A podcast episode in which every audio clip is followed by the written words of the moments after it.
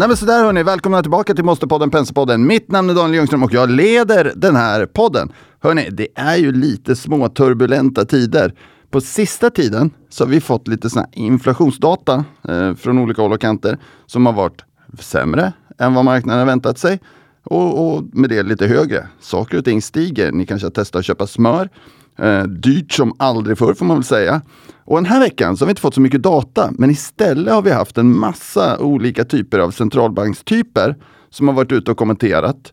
Eh, och bland annat så har chefen för den amerikanska centralbanken, Jerome Powell, varit ute och kommenterat att han tror minsann att räntan kommer öka och han sätter inget tak för hur mycket den kommer öka. Och med det så blir ju investerare lite småstressade. Här ska vi diskontera helt plötsligt värdet på bolag, men okänd med något högre ränta. Det får börsen att darra lite grann. Å andra sidan så har vi ju lite positiva influenser. Det finns inte så mycket annat att köpa än en aktier. De ser på sina håll ganska billiga ut och med det så har vi faktiskt en positiv börsutveckling. Det är ganska skitsigt på sina håll får man ändå säga. Den här veckan, då ska vi faktiskt träffa några bolag för att höra lite grann hur de ser på saker och ting. Och vi ska träffa gamla bekanta bolag som har varit med både en och två och tre och kanske fyra gånger. Och det är väl kanske det lite härliga då i någon mening att vi får återkomma och följa utvecklingen. Det har vi varit ganska glada i i podden. Idag ska vi träffa Bergstimber, vi ska träffa Elanders och vi ska prata Beijer Alma. Och det ska vi göra med ingen mindre än Robert Tovi bland annat. Välkommen Robert! Tack Daniel! Hur mår du? jag, jag är lite trött faktiskt, om jag ska vara ärlig. Ingen träning idag, men kanske igår? Ja, igår tränade jag. Jag har ju haft ganska mycket tid att träna. Mm. Uh, och en av, en av mina sidor är att jag ofta är hyggligt manisk i det jag gör. Eh, det kan vara bra ibland och det kan vara mindre bra vid andra tillfällen. I julas så var jag på ett pass eh, och tyckte det var lite kul. Och sen dess har jag gått på pass varje dag faktiskt. Eh, och, och, och, vissa dagar har jag lagt till två. Igår la jag till två Eh, för att underhållsträna lite mina övriga familjemedlemmar. Så nu är jag trött. Jag har vätskebrist helt enkelt. Jag håller på att falla ihop. Men vi ska ta oss igenom det här. Eh, det låter bra och vilken bra inledning. Eh, man kan väl kanske möjligen då addera till, till den liksom, fundamentala bit som du har pratat om. att Kanske kan det vara så att eh, eh, marknaden för, för ett år sedan tog ut att eh, räntehöjningarna inte bara skulle bli en halv procent utan, eller en procent utan, utan mer. Och att eh, det kan, kan eh, möjligen bidra till att vi än så länge inte ser några jätteeffekter i eh, aktiemarknaden. Nej, en spread som jag faktiskt följer, eh, som gör att det inte blir så stora eh, vad ska man säga, effekter, det är spreaden mellan stora och små bolag. Och man kan säga att den här uppgången som har varit under sista kvartalet, den är i första hand driven av större bolag. Ja. Små bolag har det stentufft fortfarande. Ja. Ja. Eh, och fokus för, för oss är ju små bolag. Och där kan man säga att där har det inte ljusnat i gryningen riktigt ännu. Nej, det har det inte gjort. Och, uh... Det kanske dröjer ett tag till. Vi får se. Ja. Men eh, Daniel, vi ska ju prata om, eh, vi ska inte bara prata bolag idag, utan eh, vi ska ju faktiskt prata om eh, en del annat också. Absolut.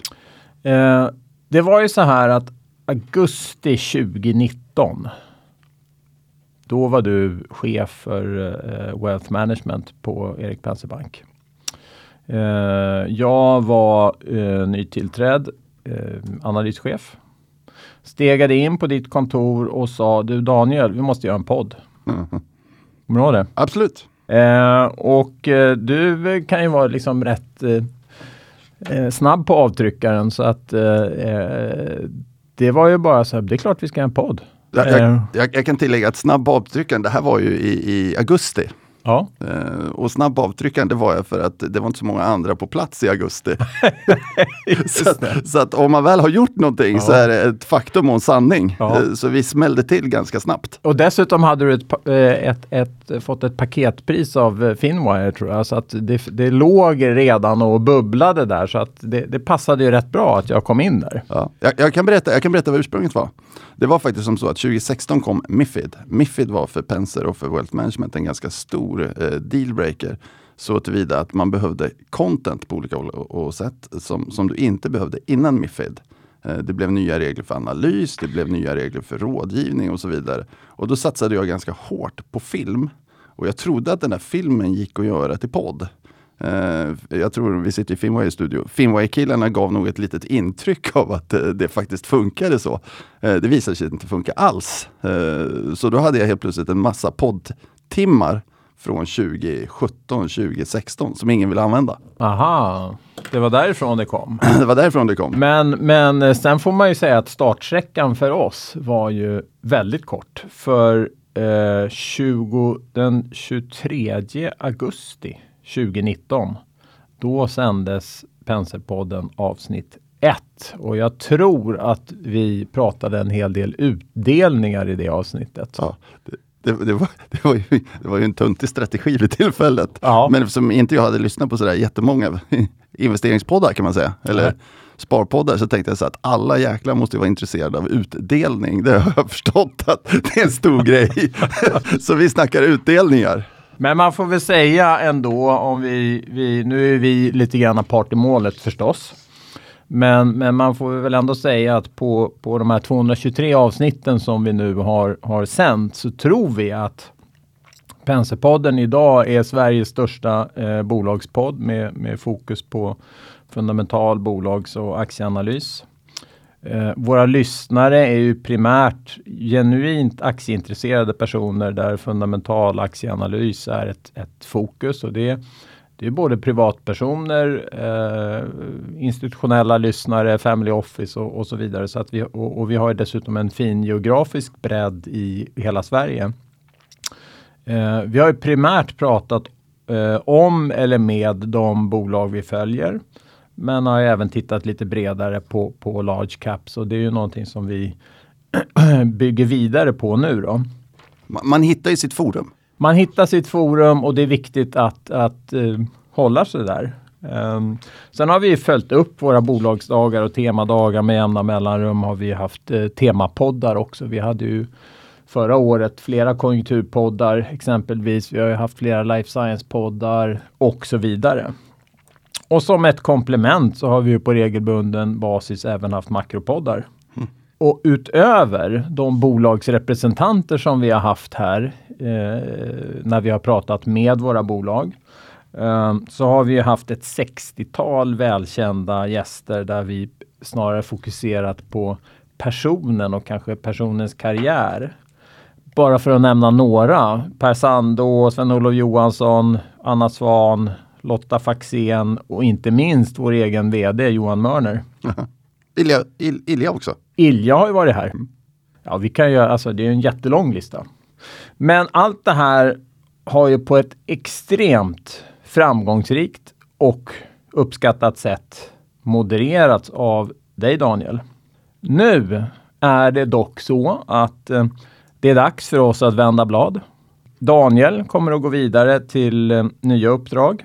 Vad det är kanske vi får reda på så småningom. Inte idag dock. Nej. Daniel, hur Ja. känns det? Det känns, det känns, så här känns det. Att, att, eh, lite tråkigt faktiskt. Jag har ju vurmat lite för podden. Så här var, alltså jag vurmade för affärsutveckling från början. Eh, eh, jag vurmade för det här digitaliserade. Nu beskriver ju du en bild där vi har liksom haft jättemycket gäster och bolag och teman och så vidare. Om man backar bandet till 2019 så var inte vår, vår, stora, vår stora tillgång var inte innehåll. Eh, utan vi fick liksom leta innehåll. Och det var ju eh, superkul på olika sätt och vis. Man, man får ju säga att vi har ju kämpat, Ja. alltså framförallt det första året, att hitta content. Ja, det, var, det är jättemånga som tyckte jag var väldigt märklig när jag ringde så här söndagkvällar och frågade om de ville vara med i en podd på, på torsdag. Eh, och, och kände så här, är jag sista gästen in? Nej, eh, så är det inte. Men, men vi, vi letar överallt just nu. Sen blev det ju lättare när den blev lite kändare. Mm. Och folk ville ställa upp på ett annat sätt och man kunde börja planera innehåll och så vidare. Eh, då blev det ju mer, då blev det en annan typ av podd. Helt plötsligt så kunde vi liksom styra flödet på ett annat sätt och vis. Eh, jag hade ju andra, ganska mycket andra uppgifter också, i och med att jag var chef för, för Wealth Management. Det var väl kanske inte alla som, som tyckte att jag skulle fokusera så mycket på podden. Eller digitalisering överhuvudtaget. Men jag tyckte det var jävligt kul och jag tyckte det var en väldigt viktig del av, av Penser. Eh, sen, sen blev det så stort så att eh, till sist eh, var det det enda jag gjorde, mer eller mindre. Och jag har jobbat mycket med, med försäljning på olika sätt och vis. Och jag såg det som att man kunde ha, det var ju egentligen min koppling till att fortfarande vara i affären. Nu gör jag ju det på heltid mer eller mindre. Och vid något läge så, så, så i Pensers fall så flyttar man ut sig hela tiden. Man, man kommer lite längre och längre och längre ifrån. Och till sist är man så långt ifrån så det är svårt att göra sin gamla grej lika bra. Och då blir det naturligt att gå vidare. Så ser jag på det. Vad, vad, avslutningsvis, vad vill, du, vad vill du ta med dig som ett eh, roligt minne eller en, en bra erfarenhet från de här eh, tre och ett halvt åren? Man, man, kan säga så här att det har ju varit väldigt slumpmässigt. Eh, det har varit väldigt improviserat. Vi har ju verkligen varit podden utan manus ett av de första skälen till att vi var podden utan manus var att ingen hade tid att göra ett manus. så att man skjuter lite från höften. Ja. Eh, men, men det blev ganska bra, eh, på, eller tycker vi i varje fall. Eh, och, och, ett roligt minne i det då, det var ju att man var tvungen att anpassa sig. Och vid ett tillfälle så hade jag, försökte jag boka just Ilja till de här sommarintervjuerna. Det är supersvårt att boka upptagna gäster. Eh, och jag bokade och bokade och bokade. Och Ilja hade ett levande schema vid tillfället. Så han bokar om och bokar på och bokar av och bokar på och fixar och donar. Och jag anpassar mig. Till sist bestämmer vi oss för att vi ska köra på min semester. Och jag hugger för jag hade inte så mycket annat att göra. Så att jag säger så här, okej okay, vi kör. Eh, eftersom många gäster har visat sig haft lite svårt att, att hålla tiderna eh, så ringer jag exakt när podden ska börja. Och frågar, vart är du någonstans? Då visar det sig att han är på väg. Eh, så jag säger så okej okay, jag väntar. Och så väntar vi. Då kommer han med Sven-Olof Johansson. Eh, två killar i t-shirt som glider upp. Eh, och så säger Sven-Olof som vi har poddat med sedan tidigare, så här, ah, Ilja du kör det här. Jag sitter här i hörnet och, och den här poddstudion är ju superliten. Jätte, jätteliten. Det är som en sån här liten toalett eh, som folk har hemma. Så här, toalett nummer två om man bor i en tre eller fyra eller någonting. Och då blir det lite konstigt att ha Sven-Olof i, i hörnet i det här lilla rummet utan att prata. Så då improviserar vi en podd. Eh, det är ett starkt minne. Det handlar ju väldigt mycket här om improvisation och anpassa sig och försöka få till det bästa. Så utan manus, bokstavligt talat, det var helt utan manus. Men kul! Daniel, eh, det har varit superroligt, utvecklande och inspirerande att jobba tillsammans med dig, samarbeta Dito. med dig. Dito Robert! Eh, och Eh, vi är spända på att få höra var resan tar dig härnäst. Det återstår bara för mig att tacka för alla de här åren. Tack själv. Och eh, önska ett eh, stort lycka till. Ja. Detsamma får man ju säga. Jag vill ju gärna att det här utvecklas och fortsätter vara bra. Det, det betyder ju att arvet av mig lever vidare. Tack Daniel. Om vi går vidare då så är det ju så här att vi har förstås gjort ett rigoröst arbete för att hitta Daniels efterträdare och är superglada och väldigt nöjda att idag kunna presentera att Alexander Gustafsson tar över. Väldigt kort så kan man säga att Alexander har ett genuint aktieintresse och har den podderfarenhet som krävs för att ta Penserpodden till nästa nivå. Och med det sagt så tror jag att många förstår att den Alexander vi rekryterat är tidigare investeringscoach på Nordnet och där har varit ansvarig för Sparpodden, vilket i sin tur innebär att Alexander tar med sig någonstans 300 poddavsnitt innanför västen. Det, det tror vi kommer att vara fantastiskt för podden. Så välkommen Alexander! Tack så jättemycket!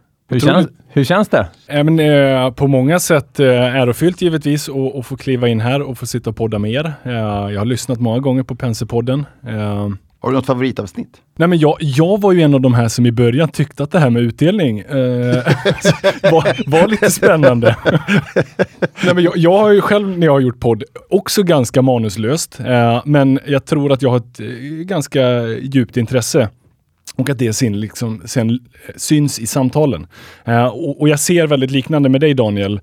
Eh, och, och, det är det som har varit en fröjd att få lyssna på. Och jag tror att det blir den bästa formen av podd när det finns det här genuina intresset snarare än ett tillskrivet manus. Eh, så att många av de där, Per Sando-avsnittet, eh, också väldigt spännande. Ja. Det finns många. Vi, vi ska ju ägna lite mer tid åt dig, eh, har jag tänkt, i, i något lite senare avsnitt där du får liksom breda ut dig lite mer.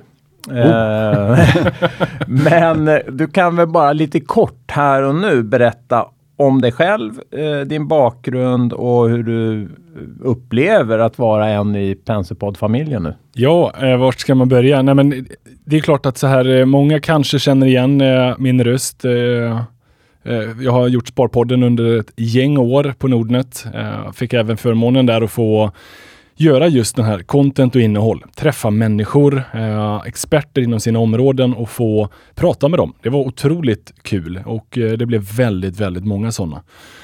Någonstans en 300 poddavsnitt, eh, många Youtube-klipp, föreläsningar, event. Eh, och det är väl det som är min röda tråd i, i min karriärsbana. Eh, det har varit aktier och det har varit fokus på att utbilda, inspirera och själv försöka lära mig och på det sättet lära ut. Sen eh, har jag väl någonstans känt att eh, ja, men jag vill ha mer aktier. Jag vill ha mer bolagsanalys, makro, djupdykningar ner med entreprenörer. Och där för mig faller en penselpodden helt rätt ut. Eh, och det är det jag ser fram emot väldigt mycket, att få, få, få gräva mer i. Det, det kommer du få göra. Ja. det kommer du få göra. Det är superkul och eh, stort och hjärtligt eh, välkommen Alexander. Tack Robert. Innan vi, innan vi liksom läm- går, går in i, i nästa liksom fas så, så undrar jag ehm, Daniel, är det, är det någonting du skulle vilja skicka med Alexander när han kommer in nu i, i Penserpodden? Vad, vad, vad tycker du är, eh, är viktigt att eh, fokusera på eller ha koll på? Jag, jag tror så här. Eh, det, det är ju jättemånga gäster eh, faktiskt. Det är ju det svåra. I, ibland har man ingen riktig uppfattning om, om innan. Liksom riktigt vilka de är och vad de gör och så vidare. Många av de bolagen som Penser jobbar med är ju väldigt små bolag och, och förhållandevis okända bolag. Eh, och det svåra är ibland att förstå vad de faktiskt gör på relativt kort tid. Så, att- så att jag skulle säga så här, om du har tid, eh, läs på eh, om bolagen lite innan. Eh, och snacka med analytikerna. För det, det har varit en superstyrka för mig, att jag har känt analytikerna. Eh, och och liksom lite hur de funkar och vad de pratar om och, och så vidare. Så att man kan driva samtalet lite grann. Sen har jag inte alltid känt alla analytiker innan och alla gäster. Så det har funnits en och annan analytiker på vägen som har tagit lite illa upp kanske när jag har gått på lite och, och någon som tycker det är lite skojigt och någon vd som blir lite frågande och så vidare. Så det är ju en stor familj kan man säga eh, som cirkulerar i podden. Ja. Så tar det tid att lära känna bolagen och gästerna. Nej, men helt klart. Sen det jag tycker du har gjort väldigt bra eh, är det här eh, frågandet. Att eh, ett genuint intresse, nyfikenhet på vad är det liksom den här produkten, vad är det den här applikationen är till för? Förklara, Ja. förtydliga. Eh, Förenkla. förenkla på många sätt. För det underlättar för investeraren, om jag tänker liksom lyssnaren här på Penserpodden. Vill du veta mer? Vad är det här bolagets produkttjänst? Vem är kunden? Och, och för vem skulle det här kunna liksom vara en lösning? Så att det är någonting jag vill försöka eh, fortsätta gräva i och fortsätta ha den här genuina nyfikenheten. D- där kan man ju faktiskt tillägga att det är ganska många sådana life science-bolag. Och life science-bolag med vd och analytiker, de pratar ju ofta ett, ett jäkligt eh, komplicerat språk om superintressanta grejer. Ja. När de byter X717B som, som fokus för ämnet till att förklara vad X717B faktiskt är för någonting, då blir de här bolagen superspännande. Och det är faktiskt en liten erfarenhet att det man får mest liksom, kommentarer om eh, efter, podden, efter podden eller runt poddarna, det är sådana som har lyssnat på, på podden och fått lyssna på ett bolag som de faktiskt, och en vd många gånger, som de faktiskt inte kände till innan. Tyckte lät ganska ointressant, men när de fick lyssna på det så, så tyckte de att det var liksom superspännande. Det betyder inte att de investerar eller något annat, men det var ett spännande område. Det är ett av skälen till varför jag aldrig har mappat tid. Vi har aldrig talat om, så här, vad, vi, vi berättar lite grann om vad som kommer i podden inledningsvis, men vi talar aldrig om när det kommer. Och, och det är bara för att då hoppar folk bara till det de vill lyssna på. Vi har aldrig avslöjat när i tid olika grejer dyker upp. Ah, Okej, just det. För lyssnarna. Ja. Det är för lyssnarna själva ska upptäcka liksom, nya prylar. Det är ju jättemånga som har skrivit så här, kan inte tidsmappa exakt när ni pratar om det här? Så har vi bara sagt så här, nej, kommer Nej. inte hända. Kan ni inte prata, göra en kortare podd? Kommer inte hända. Så, här, så, så vi har ju drivit vår linje. Och fortsätta driva den linjen, det tror jag är en viktig Ja. eh, grej. Jag ska göra mitt bästa. Sen är det ju alltid kul från er lyssnare eh, att få feedback också.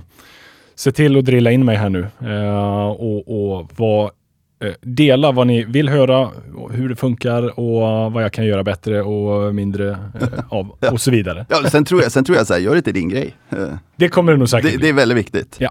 Så, mina herrar. ehm, eh, vi skickar till lyssnarna med att Daniel lämnar idag i och med det här avsnittet.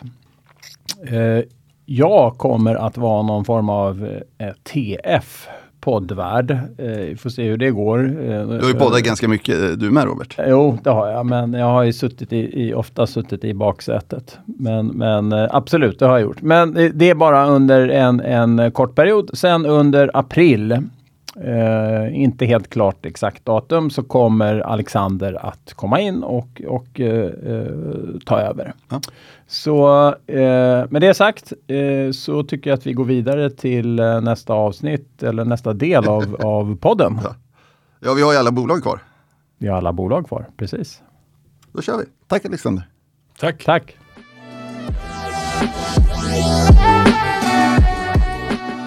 Så där hörni, då har vi släppt den här lite, lite uttjatade 20 minuters inledningen. Nu ska vi faktiskt gå vidare till ett ämne som jag tycker är superspännande. Och det är bergstimber. För att göra en liten återkoppling så, så satt jag med, med Peter Nilsson som är VD på, te, på telefon, sån här Zoom-möte. En sommar mitt i covid. Eh, för- 2020 var det va? 2020 för att prata om, om lite olika grejer. Och Peter berättade då en superintressant historia. Så jag på stående fot frågar om Peter skulle kunna göra en sån här sommarspecialintervju. Vi hade inte kommit så mycket längre än så, men, men det var en superintressant historia om ett bolag som jag hade en väldigt stark bild av, som inte alls visade sig stämma när man, när man lyssnar på det. Så Peter drog den där eh, storyn i en sommarintervju och sen så har vi haft Peter som gäst flera gånger. Så nu är det jättekul att hälsa dig tillbaka till podden Peter. Välkommen! Mm. Tack så mycket. Peter, Kul vart, vart är du? ja, det är kul att du är med. Vart är du någonstans? Just nu är jag i Vimmerby och eh, sitter här och tittar ut på Vimmerby torg i ett lite lätt snötäcke med härlig sol. Hur, Och vinter. ja, vad gör du i Vimmerby? Ja, det, vi hade ju vårt huvudkontor här tidigare men nu har vi ju den svenska verksamheten har sitt kontor här så att vi håller på och eh, diskuterar en del investeringar och nya produkter och hur vi ska hantera kommande säsong här nu. Kan, kan, kan du snabbt återkoppla eller berätta för, för de som inte har hängt med, för vi kommer ju bli lite tekniska snart. Men berätta vad som har hänt sen, sen sommaren 2020 i Bergstimber. Om du får två minuter, hur, hur har ni utvecklats under den perioden? Vi, vi har ju varit och är väl fortfarande kan man ju säga att eh, många tror att vi är ett sågverksbolag men det vi väldigt volatilt och det vi tog då det var ett beslut om att sälja våra svenska sågverk och satsa mera på förädlade produkter och eh, ja, djupare i, i kedjan men ännu med koppling till träprodukter. Och det vi har gjort sedan dess är att vi köpte ett engelskt eh, fönster och dörrbolag med ja, både tillverkning men även eh, showrooms i framförallt England. Och sen har vi utvecklat det, byggt på med flera delar och sen har vi då köpt ett polskt fönsterfabrik. Och sen har vi gjort en del kompletterade investeringar i den kedjan och eh, det är ju en verksamhet som idag omsätter i takt på ungefär 700 miljoner per år med bra lönsamhet så den är ju ny för oss sedan dess. Och sen har vi också då utvecklat en del i, i det vi kallar träskyddet med både med värmebehandlat trä har vi investerat i och eh, gjort en del andra investeringar men vi har inte, fortfarande har vi kvar två sågverk i, i Baltikum men Och, och vad är logiken Ja, i det, Peter? Med tanke på att ni har sålt då den svenska sågverksdelen. Logiken är att vi, vi, vi ser ju framför oss, alltså sågverk är ju efterfrågan ökar ju på trävaror men däremot så minskar ju tillgången på, på råvara eller är ju under stark press. Vi ser att man som en halvstor aktör blir man ganska squeezad emellan. I, alltså svårt att få förädlingsmarginal. Framförallt då bedömer vi i Sverige. Så att man behöver vara större och gärna ha en starkare koppling till, till råvara men sen som sagt var ser vi ju stora möjligheter i träprodukter generellt framåt och då har vi ju det är där vi har vårt fokus då och eh, inte så mycket volym utan mer produkter och värde. Det, det är inte riktigt samma, samma risk va? I, i de baltiska verksamheterna som det var i de svenska verksamheterna. Nej, det är, det är inte samma risk och det är klart, det är ju alltid, man är ju på, i princip på samma marknad men eh, det är inte samma exponering, alltså samma långsiktiga eller långa avtal på råvarusidan som gör det mindre mindre riskfyllt. Och, om marginalerna i cykelbotten är högre än i Sverige eh, och kanske även högre i cykeltoppen, eller? Ja, alltså nu, nu hade vi den cykeltoppen som jag just har passerat var lite speciell för att där har ju var råvarupriserna något högre i Baltikum faktiskt än vad det var i, i Skandinavien. Så att det vart ju bra marginaler men inte de här nästan extrema marginaler man har sett på en del ställen i, i framförallt på svenska sågverk men eh, fortfarande väldigt, väldigt goda. Men nu när det har varit sämre så, så blir ju då botten klart lägre i, i Baltikum och eh, så här kanske man ligger och har en råvaruexponering på 6-9 månader, alltså i ett råvarulager man räknar med återstående. Medan alltså vi då kanske i Baltikum ligger på en, två månader så det är ju det är en väldig skillnad i riskexponering. Ska vi gå över på tekniska frågor? Eh, ja, hej Mattias här. Jag, jag, vet inte om det är så mycket tekniskt. Jag tycker, jo, då, jag tycker att eh, jag ska stanna kvar här med tanke på att Bergs det, det är ett väldigt anrikt svenskt eh, skogsföretag då, som grundades 1919 och har sina rötter i sågverksindustrin. Men men som nu då helt enkelt har transformerat sig in till en, en, en, en ett företag eh, inom så här, trävaruförädling. Och, eh, jag tycker det är viktigt att stanna kvar vid just den här alltså, cyklikaliteten då, som har varit ett litet problem för man säger för aktie caset tidigare att det har varit väldigt volatilt och det har det i och för sig varit, det var tufft 2022 också, särskilt andra halvåret mm. men Eh, ni möter ju ändå era finansiella mål om man tänker på ebit-marginal på helåret. Eh, ni har stark netto, där ni har ju nettokassa, bra kassaflöden och eh Ehm, sen då så med den här utvecklingen av portföljen genom då era tre nyckelsegment då Wood Protection, Joinery och, och eh, Zone Goods så, så har ni så här jobbat emot att bli mindre cykliska. Skulle du kunna berätta lite grann mer om så här, vad, vad, vad, det innebär rent konkret och, och, och vad är så här, eh, framtidsutsikterna inom just att kunna fortsätta den resan? Ja, men om man börjar då med sånmord eller sågverken så är det ju det, där har vi ju inte på något vis någon expansiva idéer på de verken vi har i, eller de två sågverken som vi har i Baltikum utan det handlar ju mer om att vårda värden med ja, egentligen så lite investeringar som möjligt och mer titta på ett, ja, ett positivt kassaflöde. Och så får man ju se exakt hur de enheterna kommer att passa in i berg som man tittar på lite längre sikt men är, där är vi just nu då och eh, sen om man tar Wood Protection var ju ett väldigt speciellt år 2022 med eh, alltså en svag utveckling och det, det kopplas väldigt mycket till de problemen vi fick i framförallt i Baltikum med eh, i och med att vi har varit väldigt beroende av import av ryska råvaror. Och så blev flödet väldigt stort och eh, vi handlade mycket dyra varor samtidigt som marknaden vek så att vi har ju suttit alltså helt i, i lagervärdering och har tvingats hantera det under hela året med, eh, alltså med väldigt stora kostnader. Men nu har vi gjort en, en, ett stort jobb i höst och vi håller på för fullt nu där, alltså där vi går ur mycket av de här mer cykliska produkterna även på Wood Protection. Och, alltså både i Sverige och i, i Baltikum. Vi kommer att samordna verksamheten betydligt mer än vad vi har gjort på framförallt på marknadssidan. Och sen Peter, för att flika in, om man, mm. just med, du nämnde den ryska exporten för den är ganska viktig. Det är ungefär, står för ungefär, för ungefär 10% av eh, alltså den europeiska importen av rysk, ryska trävaror och den, den är slut eh, på grund av alla restriktioner som finns på plats. Så den kommer inte i år. Den kommer inte i år och alltså för vår del var det ju 50-60% av råvaruförsörjningen.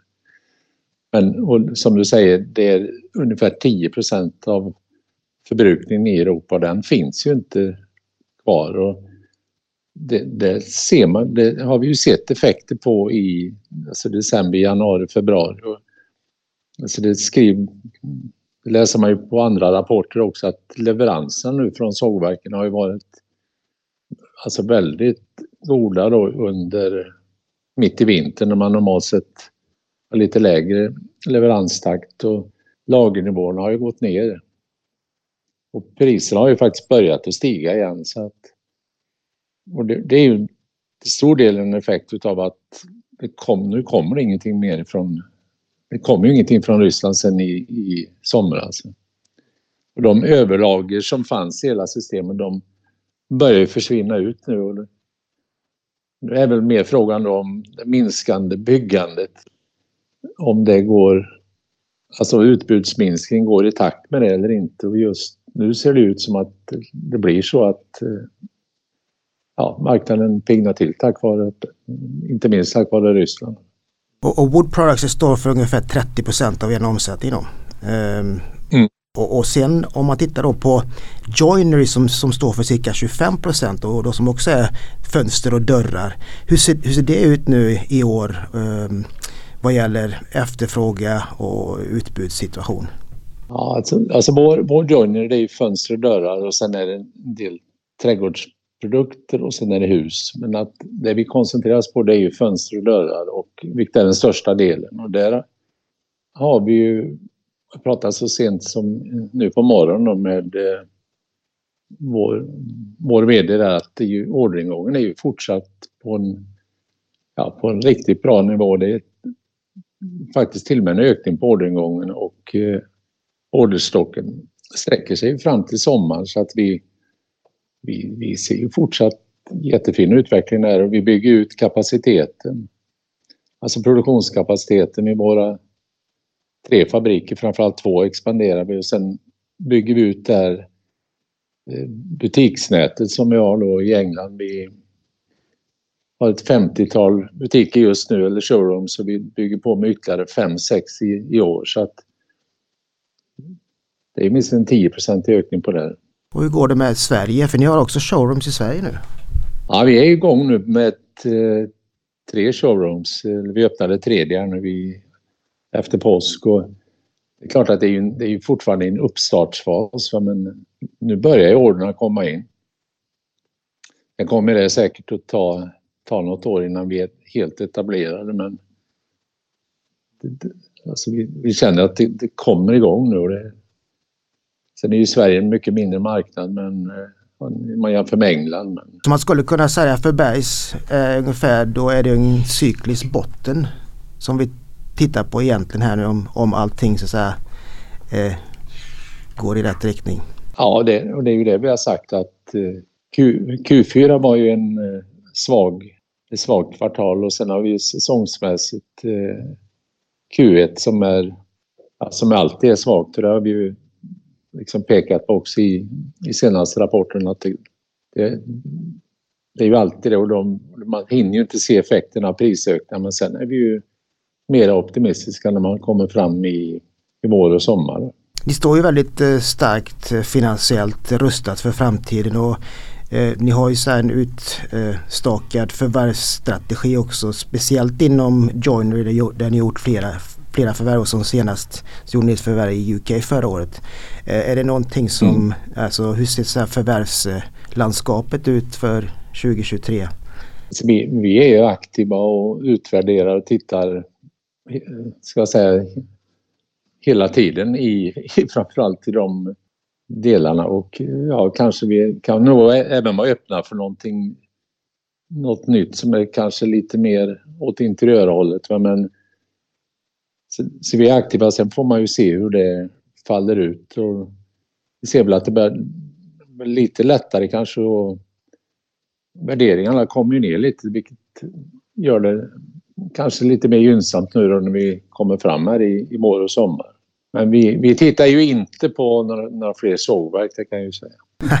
hur, hur, tycker du att vi och investerare ska se på, det finns ju eh, två lite mindre eh, verksamhetsområden inom Bergs. Mm. Där det ena väl har haft ett 2022 med mycket god lönsamhet.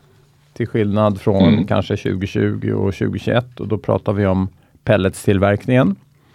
Eh, ja. Och sen har ni även en hamn i eh, Storbritannien.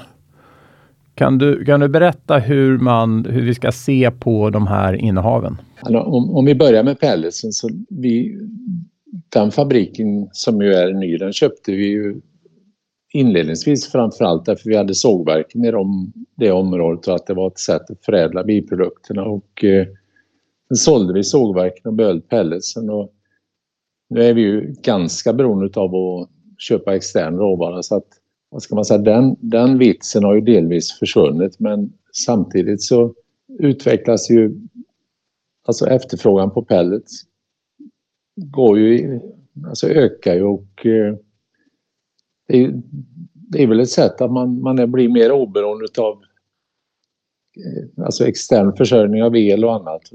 Alltså man kan ju styra sin, som konsument då, sitt energibehov på ett bättre sätt men samtidigt så är det ju, får man ju vara medveten om att priset på pellets det följer ju kanske inte helt men delvis då priset på, på energi i övrigt och eh, det är klart att nu, nu har man ju sett en viss nedgång i pelletspriserna också. Vad, vad har det inneburit i, i, om du mm. exemplifierar för lyssnaren hur priscykeln har sett ut de senaste tre åren? Alltså vi hade ju en, en nivå då för, vad kan det vara, ett och ett halvt, två år sedan på ungefär tusen kronor per ton pellets och eh, sen har vi haft en period där man, vi har varit uppe i 4,5-5 här då i höstas och i vinter. Alltså, nu har vi ju, har vi ju en nedgång på kanske jag säg att det är 20-25 procent ner här under vintern. Delvis beroende på att det har varit en mild, mild vinter och, och sen att elpriset har gått ner också så att det, från den här, om man nu får kalla det nästan extrema uppgången så är det ju kanske mer, ja, nere på en ny nivå men som ju fortfarande ger en bra marginal. Peter? Sen, ja, fortsätt Peter. Jag tänkte hamnen då.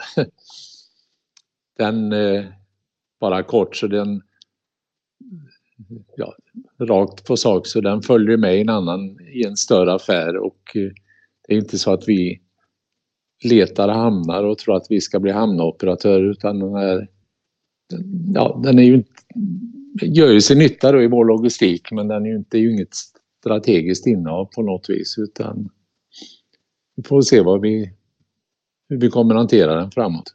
Tack Peter. Jag, jag har en fråga här faktiskt. Ni, ni sänkte ju en utdelning med två, till 2 kronor från 3 kronor.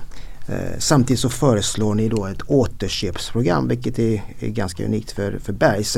Hur resonerar ni kring, kring detta beslut? vi, vi, vi och styrelsen resonerar så att i, i förslaget på utdelningen att det är ju, vi håller oss inom den eh, vad ska man säga, utdelningspolicy som finns även om vi kanske ligger i lägre kvartilen men eh, kombinationen då med, med återköpet eh, bedömer vi då om det nu går igenom stämman vilket vi hoppas att eh, ja, då har vi ytterligare ett, ett verktyg i, i lådan för att skapa aktieägarvärde så att vi det blir ju lite, kanske lite mer flexibelt för oss men eh, men tittar man finansiellt så har vi ju har vi goda möjligheter att göra återköp och även ja. Mm, jag, jag blev väldigt glad när jag såg det återköpsprogrammet för jag tycker det är klockren eh, med tanke på att om man nu tittar på att eran aktie handlas ju under eget kapital. Alltså den handlas ju till en 40% rabatt på egna kapitalet. Och eh, mm. då tycker jag det känns ju väldigt bra att köpa tillbaka sina egna aktier då. Eh, till en rabatt på 40 Så att jag tycker det är väl investerade pengar och det skapar definitivt aktieägarvärde i min mening.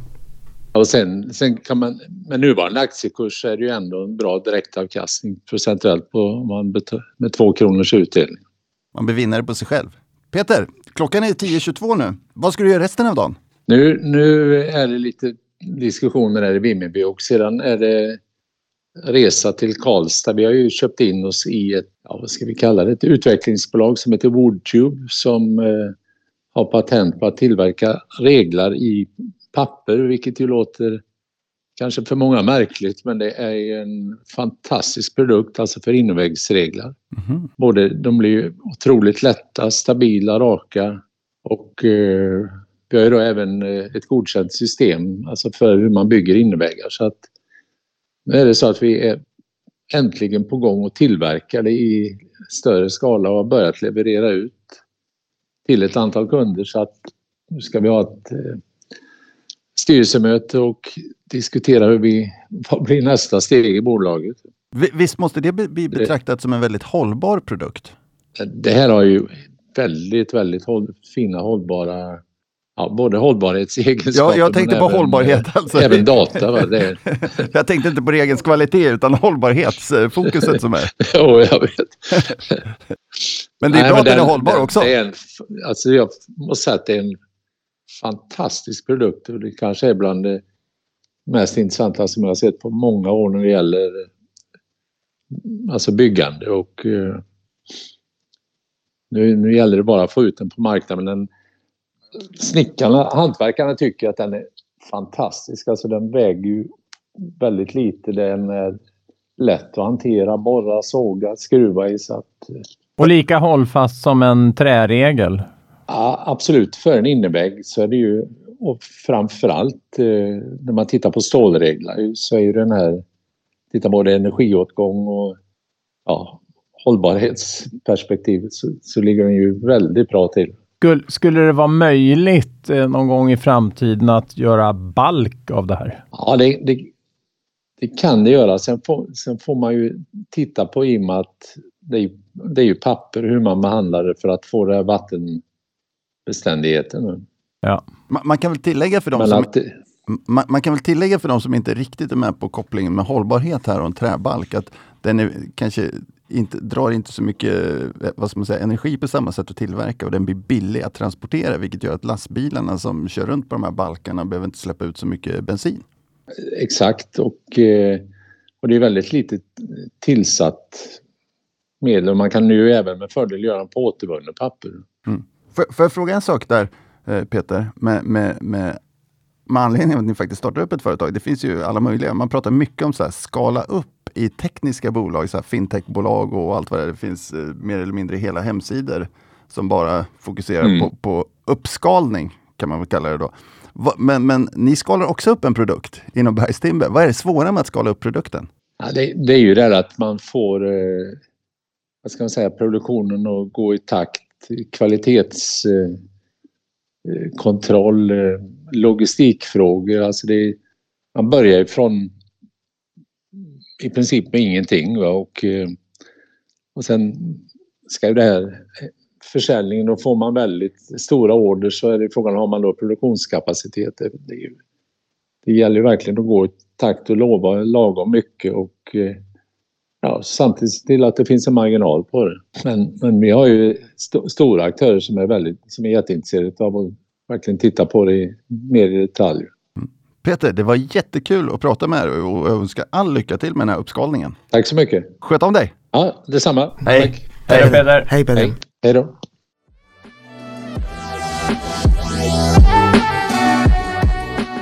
Så där hörni, då tar vi och släpper ut Peter ur studion och så gör vi ett hopp till, till en gammal bekant på nytt igen. Och, och det här är ju faktiskt det som kanske är skärmen med Penserpodden på, på många sätt och vis. Och, och det här att jobba med ibland lite mindre bolag. Vi hade ju för, för ett par år sedan en analytiker som hette Alexander Wilvall som gjorde en, en analys av ett för mig lite okänt bolag då som hette Elanders. Jag hade en bild av Elanders på samma sätt som man hade en bild av Bergs Timber.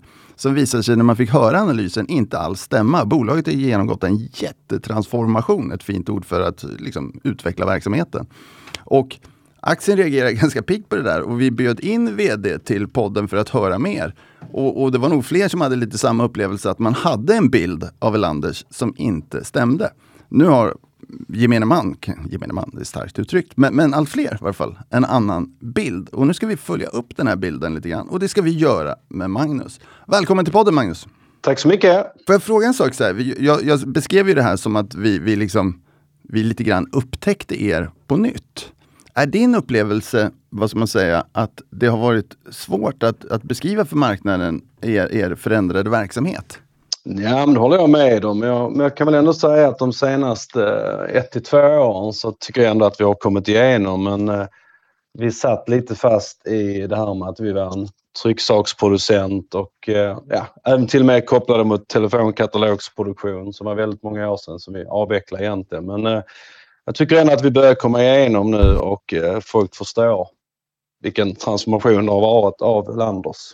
Kan, kan, du beskriva den lite grann? För du, du beskriver trycksaken här, telefonkatalogen. Liksom. Ni är ju faktiskt ett, ett komplett annorlunda bolag idag får man ju säga.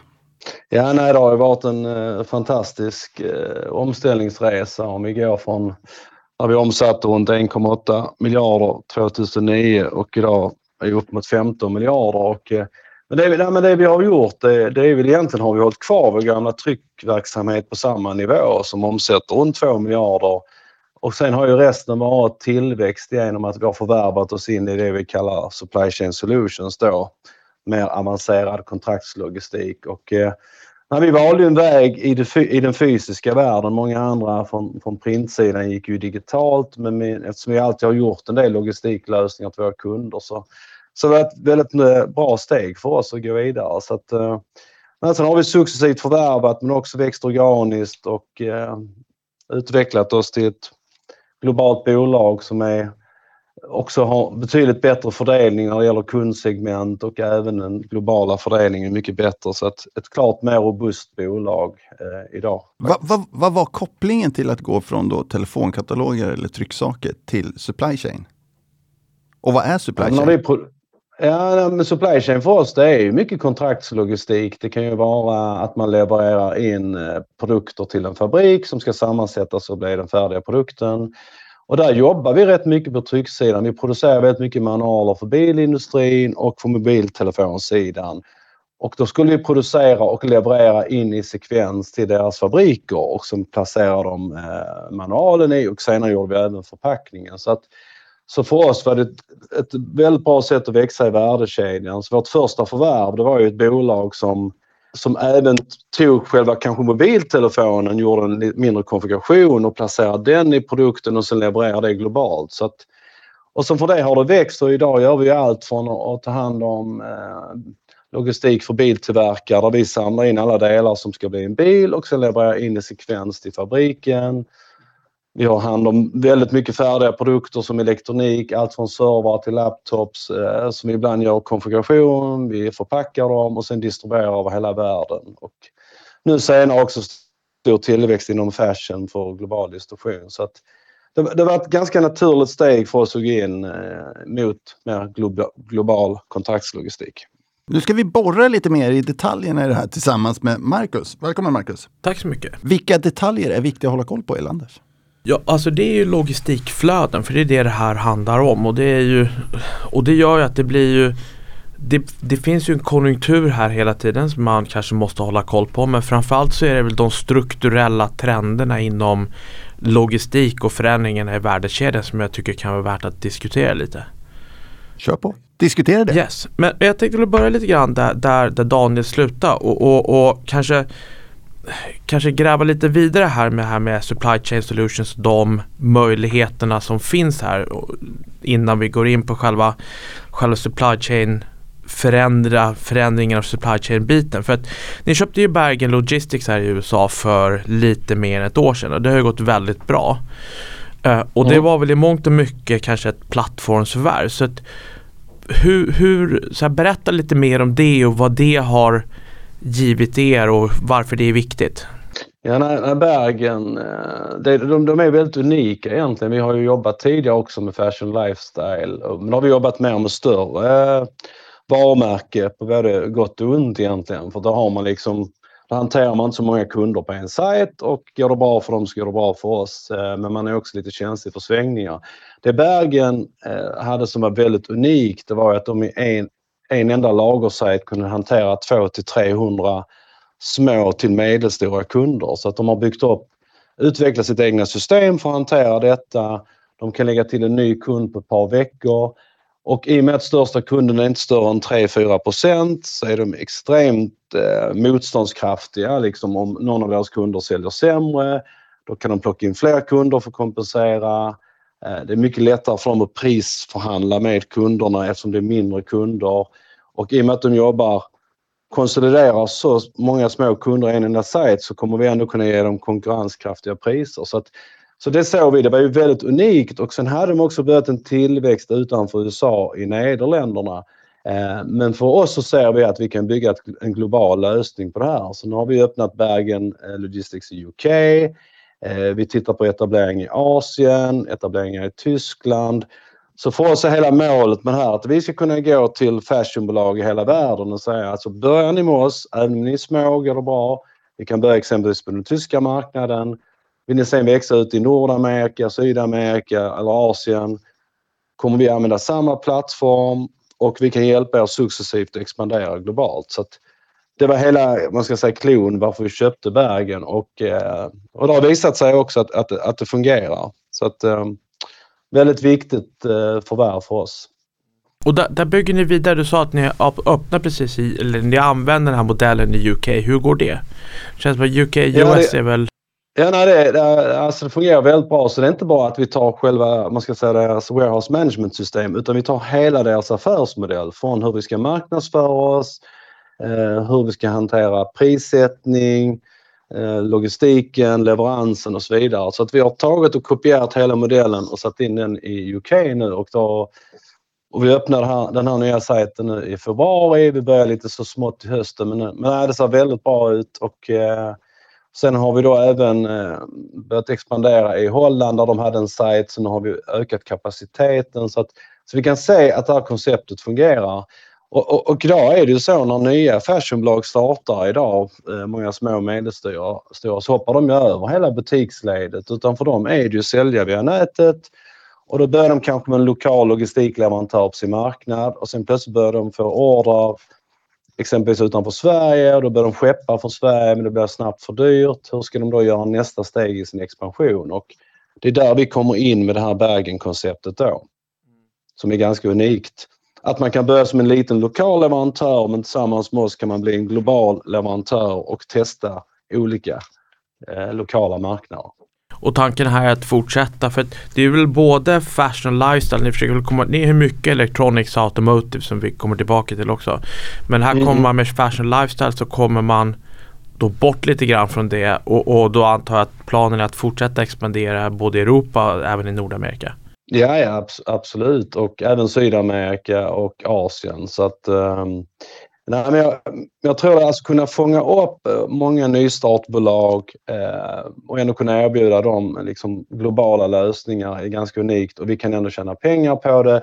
Och det är en väldigt robust affärsmodell för när man tar hand om ett par hundra kunder på samma sajt, det är klart du får ju en, eh, extrem effektivitet. Du kan flytta arbetsstyrkan till de olika projekten och går en kund ner så går den andra upp och så vidare. Så att, eh, sen kanske man kan applicera det på andra produkter också, liknande produkter när den globala e-handeln växer. Men det här tar ju även hand om butiksledet också så det är en ren omnichannel-lösning då. Så att vi kan leverera till butik, outlet, direkt till slutkonsument. Vi tar hand om all returhantering och så vidare. Så att, Nej, det, är ett väldigt spännande koncept faktiskt. Kan, kan ni göra den geografiska expansionen eh, organiskt via Bergen eller för att ta sig till Latinamerika eller expandera ytterligare i Nordamerika krävs det ytterligare förvärv då? Jag tror om man tittar på Sydamerika, Asien eh, och andra delar av Europa då kommer vi använda våra existerande eh, sajter och lägga till det här så det kommer bli ren organisk tillväxt. Eh, vi har även öppnat en ny stor sajt nu organiskt i Atlanta i USA som vi startar upp nu. Men, men det är klart den amerikanska marknaden är ju väldigt intressant så för oss att snabba på det här så tittar vi på förvärv då. Det kan vara att man förvärvar ett, eh, ett logistikbolag som är starka i en viss stat i USA som är intressant för oss och sen förvärvar man den och sen implementerar vi Bergenmodellen och, och bygger ut nätverket. Så att, eh, men, eh, men, det, men, det, men det fina här är att vi kan få skapa väldigt mycket organisk tillväxt utan att förvärva. Och sen kan förvärv då snabba på processen. Det kan vara samma i Asien, även om vi har många sajter, men vill vi kanske accelerera det här, då kan det vara intressant att förvärva en, en eh, logistikspelare i Asien som också jobbar mot fashion. Då, så, att, eh, så, så det finns väldigt många olika möjligheter här. Ett hett, ett hett, om man fortsätter på ett, på ett annat tema, så ett hett ämne där vi börjar prata lite grann det är ju det här med, med förändringarna i värdekedjorna som egentligen började redan innan covid men som kanske har accentuerats efter covid och kriget i Ukraina. Och som kontraktstillverkare så sitter ni ju mitt i det här. Så vad, vad, Mm. vad ser ni och hur går tankarna angående det här? För det är ganska stora förändringar. Eh, alltså jag tror, ja, nej, absolut. Jag menar för det första vi har väl coronapandemin visat att global just in time inte fungerar om så fort det blir någon, någon kris i världen. Som jag tror var väldigt tankvärt, tankvärt för många av våra, våra kunder. Det, det såg man väl till och med även i sjukvården i Sverige att man kan liksom inte lita på att global just in time logistik fungerar. Och sen nu ovanpå det kommer de här geopolitiska spänningarna så att eh, vi får ju kraft, alltså rejäla signaler från, om man säger från våra kunder i Kina exempelvis, att de eh, successivt börjar flytta ut produktion från Kina. Eh, och det kan vara till Vietnam och man, även, man flyttar även för att komma närmare marknaden då. För att det är inte bara politisk fråga men det, jag menar Kina stängde ju ner under corona, ingenting kom ut. Så, att, så, så det är två saker som pressar på här tror jag och, och vi kan se nu när det gäller, vi har en liten sajt i Mexiko, vi kommer att öka i Mexiko nu. Vi har väldigt mycket förfrågningar från våra kunder som egentligen kommer skicka komponenter från Asien och sen till Mexiko och sen ska de sättas ihop eller bundlas och sen gå in till eh, den amerikanska marknaden. Vietnam är hett, det, det vet ju alla, men vi kan också se ett ökat intresse för Indien nu. Och även, och sen när det gäller automotive så ser vi att de flyttar ännu närmare och vi har ju nu sett den senaste tiden att det, ökar. Eh, komponentflöde från östra Europa ökar nu in mot västra Europa. Så att, eh, men för oss tror jag som logistikleverantör är det bara en fördel om marknaden blir lite mer diversifierad. Och när man tar det här nearshoring då behövs det ju fler logistikenheter. För det är inte så att man kan ersätta Asien tror jag under, under väldigt lång tid utan många delkomponenter kommer ändå komma därifrån men man kanske lägger säkerhetslager och sammansättning då eh, på sin hemmarknad eller närliggande marknad. Så att, eh, men alla har ju pratat om det här länge men vi, kan, vi ser nu att det händer betydligt mer nu. Det gör det. Och, och skulle du säga, vilken är den mest framträdande trenden? Är det, är det mera regionaliseringen eller är det mer att man flyttar ifrån Kina eller en kombination av de två? Ja, det är, det är faktiskt en kombination. Jag tror om, man tittar på eh, våra, alltså biltillverkskunderna så har ju de en fördel att de är ofta de har ju ofta fabriker på varje marknad så det de gör tycker jag som trenden är att för de bilar de producerar i Kina kommer de producera komponenterna där också som ska bli bilen. Men däremot när det gäller Europa då så kommer de flytta mer tillverkning till Europa. Och jag tror det kommer att vara asiatiska tillverkare också, till och med kinesiska som flyttar till och sätter upp underleverantörer och fabriker i Europa. Så att det kommer att bli lite mer regionala kluster för eh, bilindustrin då. Eh, Nordamerika, Europa och eh, Asien då. Ehm, men det är inte så lätt för alla andra. Jag menar om du, är en, eh, om du har liksom kanske tre globala fabriker i världen men de gör tre olika produkter. Då kan du inte göra på samma sätt utan då får de nu jobba mer med kanske flytta lite sourcing och jobba lite mer med säkerhetslager nära sin tillverkning. Så att det kommer att vara ganska olika här men, alla jobbar ju med det på något sätt för alla har ju förstått, har ju sett svagheten i det här. För jag tror att ni sa väl här i Q4 att, att ni såg det på Automotive Electronics-sidan och, och förs det samma typ av diskussioner i, i andra industrier but, men, men att elektronik och automotive har hunnit längst? Eller hur, hur vad skulle du säga? Nej, man ser det rätt mycket i fashion också nu faktiskt. För de större aktörerna inom fashion, de större varumärkena, eh, de har ju flyttat rätt mycket från Asien nu till eh, bland annat Turkiet. Man har ju till och med börjat tillverka kläder igen mer i Portugal, man tittar på Nordafrika. Så jag tror på fashion-sidan, de kommer inte kanske inte flytta så mycket till Europa. Kanske till Turkiet men även de tittar väldigt mycket på Nordafrika. Så även de försöker komma närmare. För det är också en, eh, en miljöfråga såklart att i förlängningen kan du inte skeppa allt från Asien till Europa. Så, att, nej, så där sker eh, förändringar inom, inom de flesta branscher faktiskt. Om, om man, man byter ämne igen lite och pratar ändå lite print? För det är ändå där ni kommer ifrån. Det har ju varit ett litet storybarn och en turnaround. Så vad, vad, gör, vad har ni gjort för att vända print och packaging? Vi har ju sett en ganska bra resa även där. Ja, nej, men vi har ju varit extremt ska man säga, marginalfokuserade hela tiden och konsoliderat vår tillverkning. Så att, eh, eh och gått över mer till det här man kallar digitaltryck då, där man producerar mindre serier, mer flexibla. Så man kan säga i alla högkostnadsländer idag har vi, är det främst digitaltryck för oss och där jobbar vi med det här vi kallar online print och det kan ju vara allt från konsumenter som beställer fotoböcker och kalendrar. Men det är också väldigt mycket företag nu, mindre och medelstora, som beställer trycksaker då via olika, olika e-handelsleverantörer där vi sen är underleverantörer. Så, att, eh, så vi har fokuserat väldigt mycket på det och är en av de större leverantörerna på den sidan.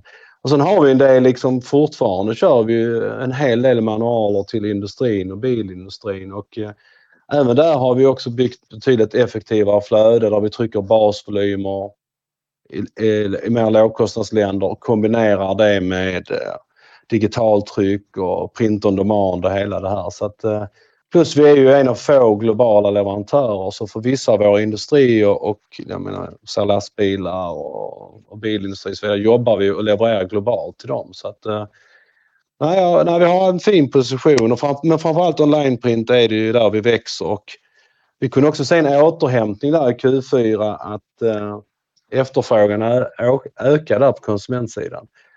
Det är alltid svårt det här när folk får mindre pengar men en fotobok exempelvis är ju inte så dyr procent att ge till jul men den är väldigt personlig så det kan ibland när det blir sämre tider så kan sådana produkter få ett uppsving. Och vi hade väldigt stora volymer under fjärde kvartalet med den typen av produkter. Det, det Magnus, det faktum att eh, eh lönsamheten har förbättrats inom eh, tryckeri och samtidigt så har eh, Eh, betydelsen i ett i övrigt växande Elanders minskat. Påverkar det hur ni strategiskt ser, strategiskt och långsiktigt ser på den här verksamheten?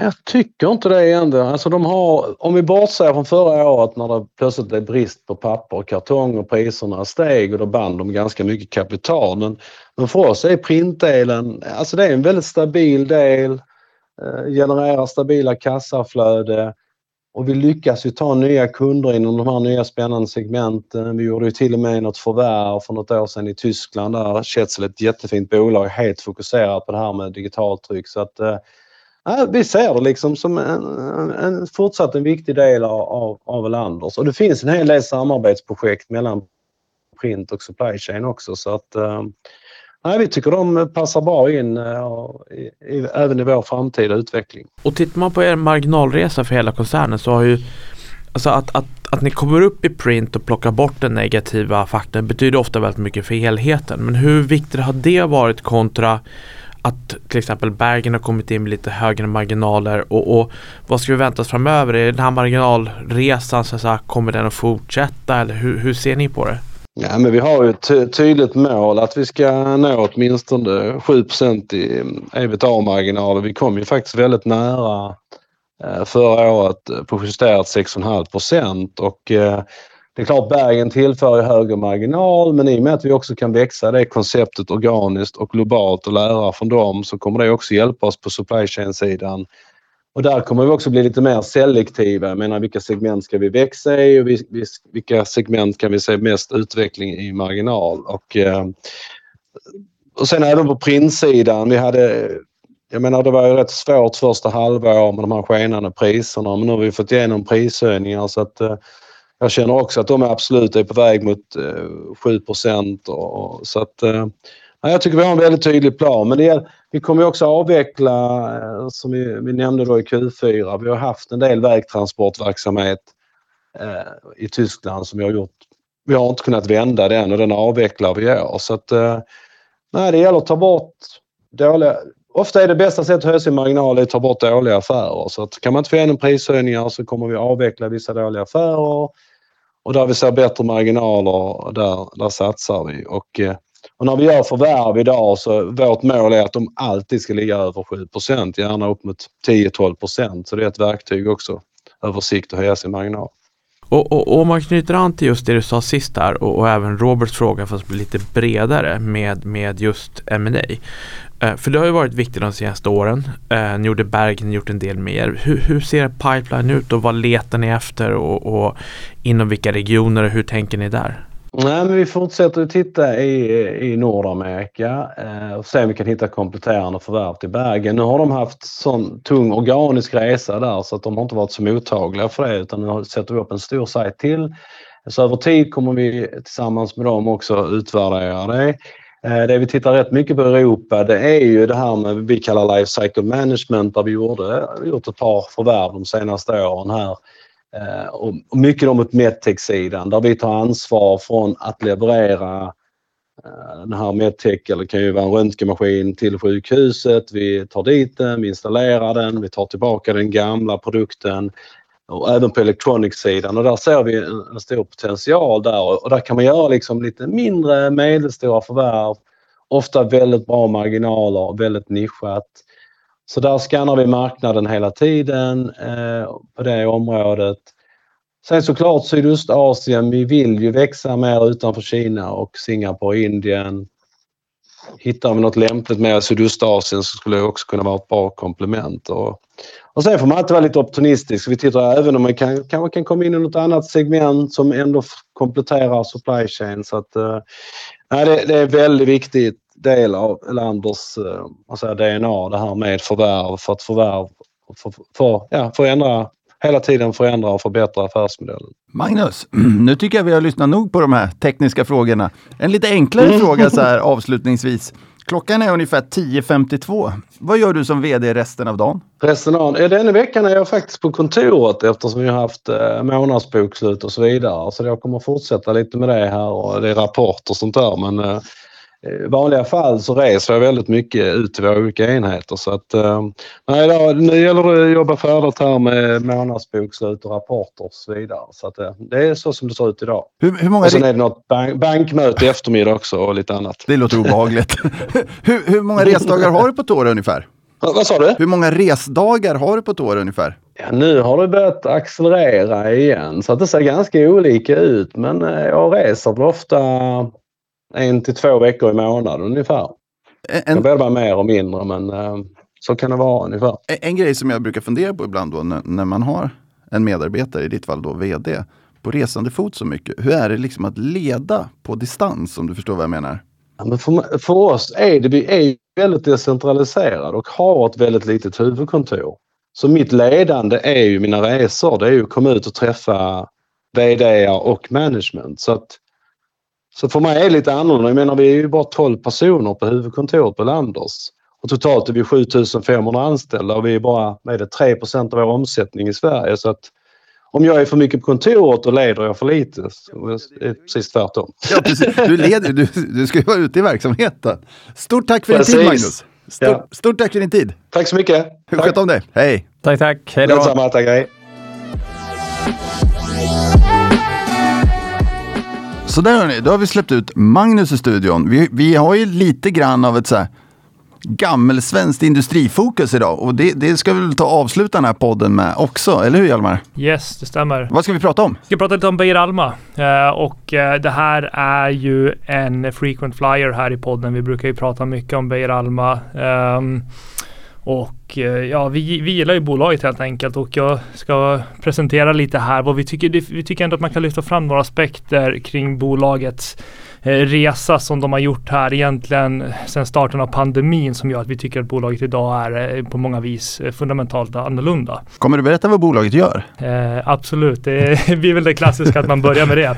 Så att vi kan väl, vi kan väl börja med att bocka av de, de, de, de formaliteterna om man kan säga så.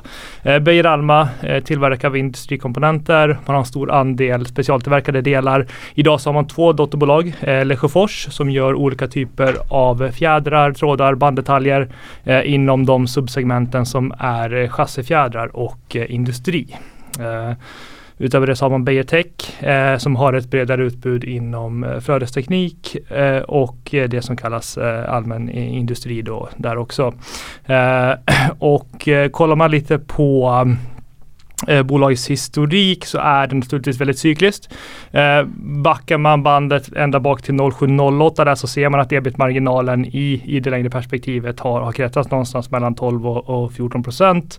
Eh, naturligtvis under 2020 som många andra bolag så pressades den eh, och vi såg en återkomst här under 2021 med mycket starka marginaler som drevs av bland annat pricing power och, och återkomst på, på många, många så centrala marknader. Men, men det är ju cykliskt, eh, både på, på marginalen och på intjäningen. Eh, vi, vi, ser väl någonstans, om man, om man backar bandet ungefär 10 år så har man växt eh, eh Eh, med en CAGR på ungefär 9 procent. Eh, det här inkluderar en del förvärv.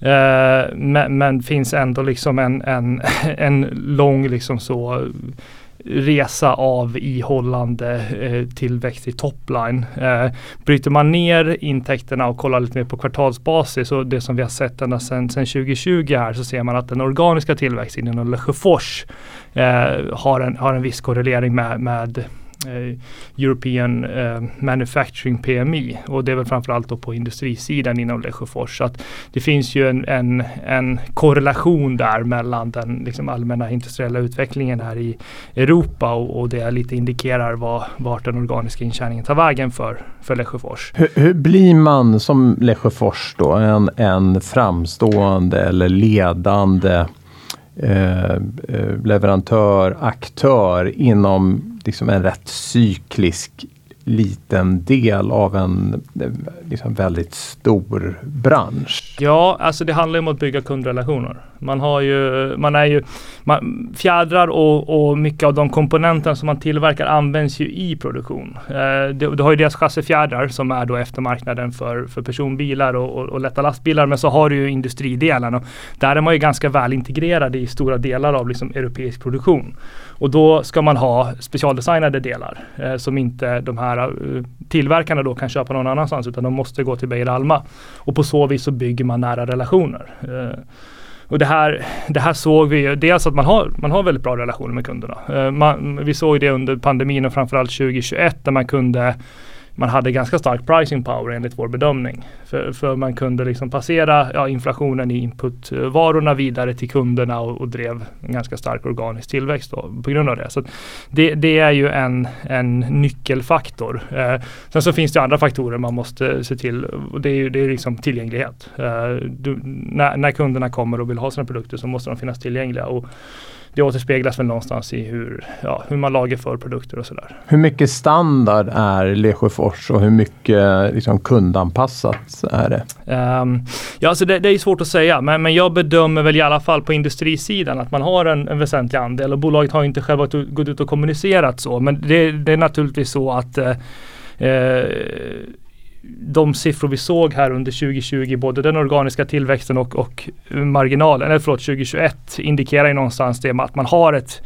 ett, en väldigt bra relation med eh, motparterna och, och, man, och liksom att man kan genomföra sådana här prisökningar. Det skulle man inte kunna göra i samma utsträckning om det var katalogvaror. Eller standardiserade varor då. Um, så, så, att eh, vi, vi, tycker väl någonstans att bolaget har en väldigt bra position eh, och eh, vi tycker att det finns aspekter som har tagit fart här i bolaget egentligen sedan 2020 som ändrat profilen. Eh, och det första är som vi har pratat om tidigare förvärvsstrategin. Eh, man har ju accelererat kraftigt eh, och under både 2021 och 2022 så hade man årliga förvärvade intäkter på mer än 600 miljoner per år.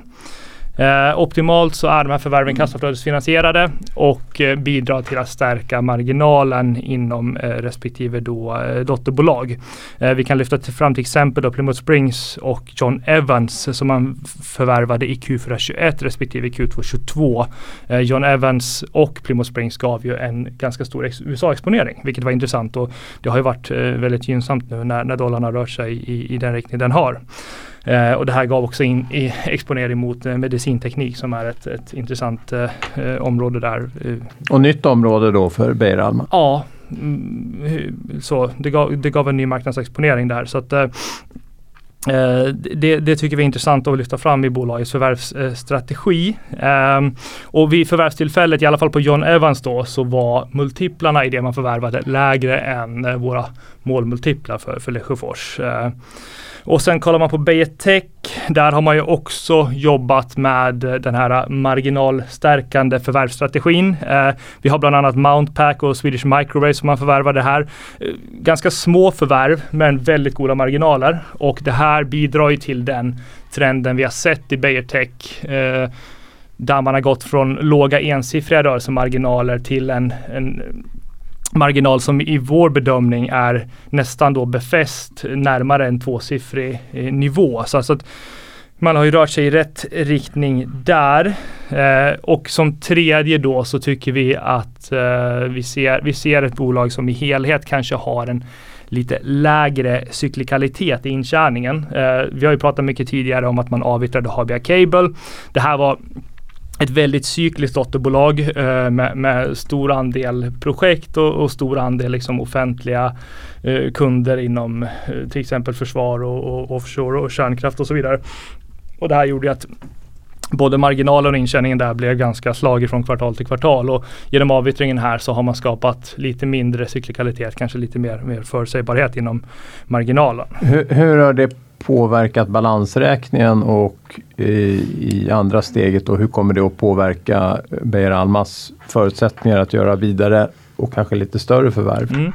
Ja, man lyckades ju faktiskt på helåret eh, kompensera det här intäktstappet genom att helt förvärva. Så, så att eh, likvi, eh, likviden som, som man eh, frigjorde därigenom eh, lyckades man då helt och hållet kompensera. Så att man Eh, gjorde ju inget då nettotapp under 2022 på topline. Eh, man har väl temporärt, alltså i det, i det långa loppet, eh, skruvat upp skuldsättningen lite grann. Eh, jag tror att den låg på 1,8-1,9 vid utgången av 2022. Eh, men jag tror att den kan reduceras lite från de nivåerna. Eh, jag tycker ändå liksom att det är en, en sund och, och hållbar nivå. Eh, man har starka kassaflöden och en liksom bra eh, kassa för att fortsätta driva förvärv också. Så att jag, jag tror att eh, man kommer kunna fortsätta med den strategin att, att förvärven som drivs eh, görs mycket med egna medel och att skuldsättningen ändå hålls på, på, en, på en sund nivå.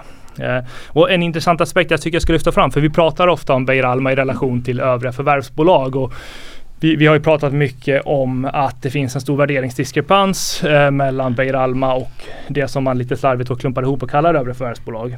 Eh, under 2021 så var ju den diskrepansen jättestor och det fanns en liksom, en, en jättekraftig värderingsskillnad här och, och ska man liksom prata om eh, vad, vad, som skulle kunna förklara den diskrepansen så är det ju förvärvsmultiplarna. För som jag sa tidigare så Beijer Alma, när de förvärvar så marginellt lägre multipel på de förvärvade bolagen mot vad hur koncernen hamnas, eh, handlas på börsen då. Men många av de här förvärvsbolagen, där har ju stor del av det så kallade reptricket varit att de handlas till en extremt hög multipel men de förvärvar till en extremt låg multipel och, och där skapas något typ av aktieägarvärde. Naturligtvis finns det för Beijer Alma också men, men om man själv handlas till en ev-ebit på säg 16-17 och köper för 15 så är den inte lika påtaglig och lika stor. Så där finns det ju en viss förklaring till kanske värderingsdiskrepansen. Och sen så ser vi någonstans att många av de här förvärvsbolagen sett till sin värdering har ju kommit ner väldigt rejält. Och, eh, där har inte Beijer Alma, eh, den framåtblickande multipeln, rört sig i, i samma utsträckning. Så att ser vi, ser vi ett normaliserat läge, om man kan kalla det det, där förvärvsbolagen kanske i större utsträckning börjar värderas på egna meriter, så tycker vi att Beijer Alma, man ska lyfta fram att de i grund och botten har en extremt sund och väl genomförd förvärvsstrategi. Och fortsätter man att förvärva eh, bolag med en ebit-marginal som mer liknar det man har inom Lesjöfors, som är liksom högmarginal-dotterbolaget, så, så kommer det på sikt att stärka marginalen för koncernen och, och, jag tror att fortsätter man med det så kan det bli en bra resa. Mm. Hjalmar, vad är roligt med att analysera Beijer? Nej, men det är ju det är så pass brett tycker jag. Eh, det, det, finns, eh, det finns en bred sektorexponering eh, och eh, man, man får eh, hålla koll på väldigt eh, mycket olika variabler. Och det gör ju någonstans att det blir lite av en read across eller i alla fall en, en liksom en vad ska man säga, en symbios med industri i stort. Som jag pratade om tidigare så, så, så finns det en koppling mellan den organiska tillväxten i Lesjöfors och till exempel Manufacturing PMI. Så, så att det, det, blir ju ett bolag som inom vissa subsegment rör sig som industrin i stort. Så att, så att man får ju man får ju en, en, en bra inblick i hur, hur många branscher rör sig genom att följa det här bolaget. Mm. Hjalmar, med det så tackar jag dig, jag tackar Robert och jag välkomnar Alexander. Och så önskar vi alla lyssnare välkomna tillbaka va? Det gör vi. Tack, Tack Daniel. Tack själv. Lycka Tack till. Tack.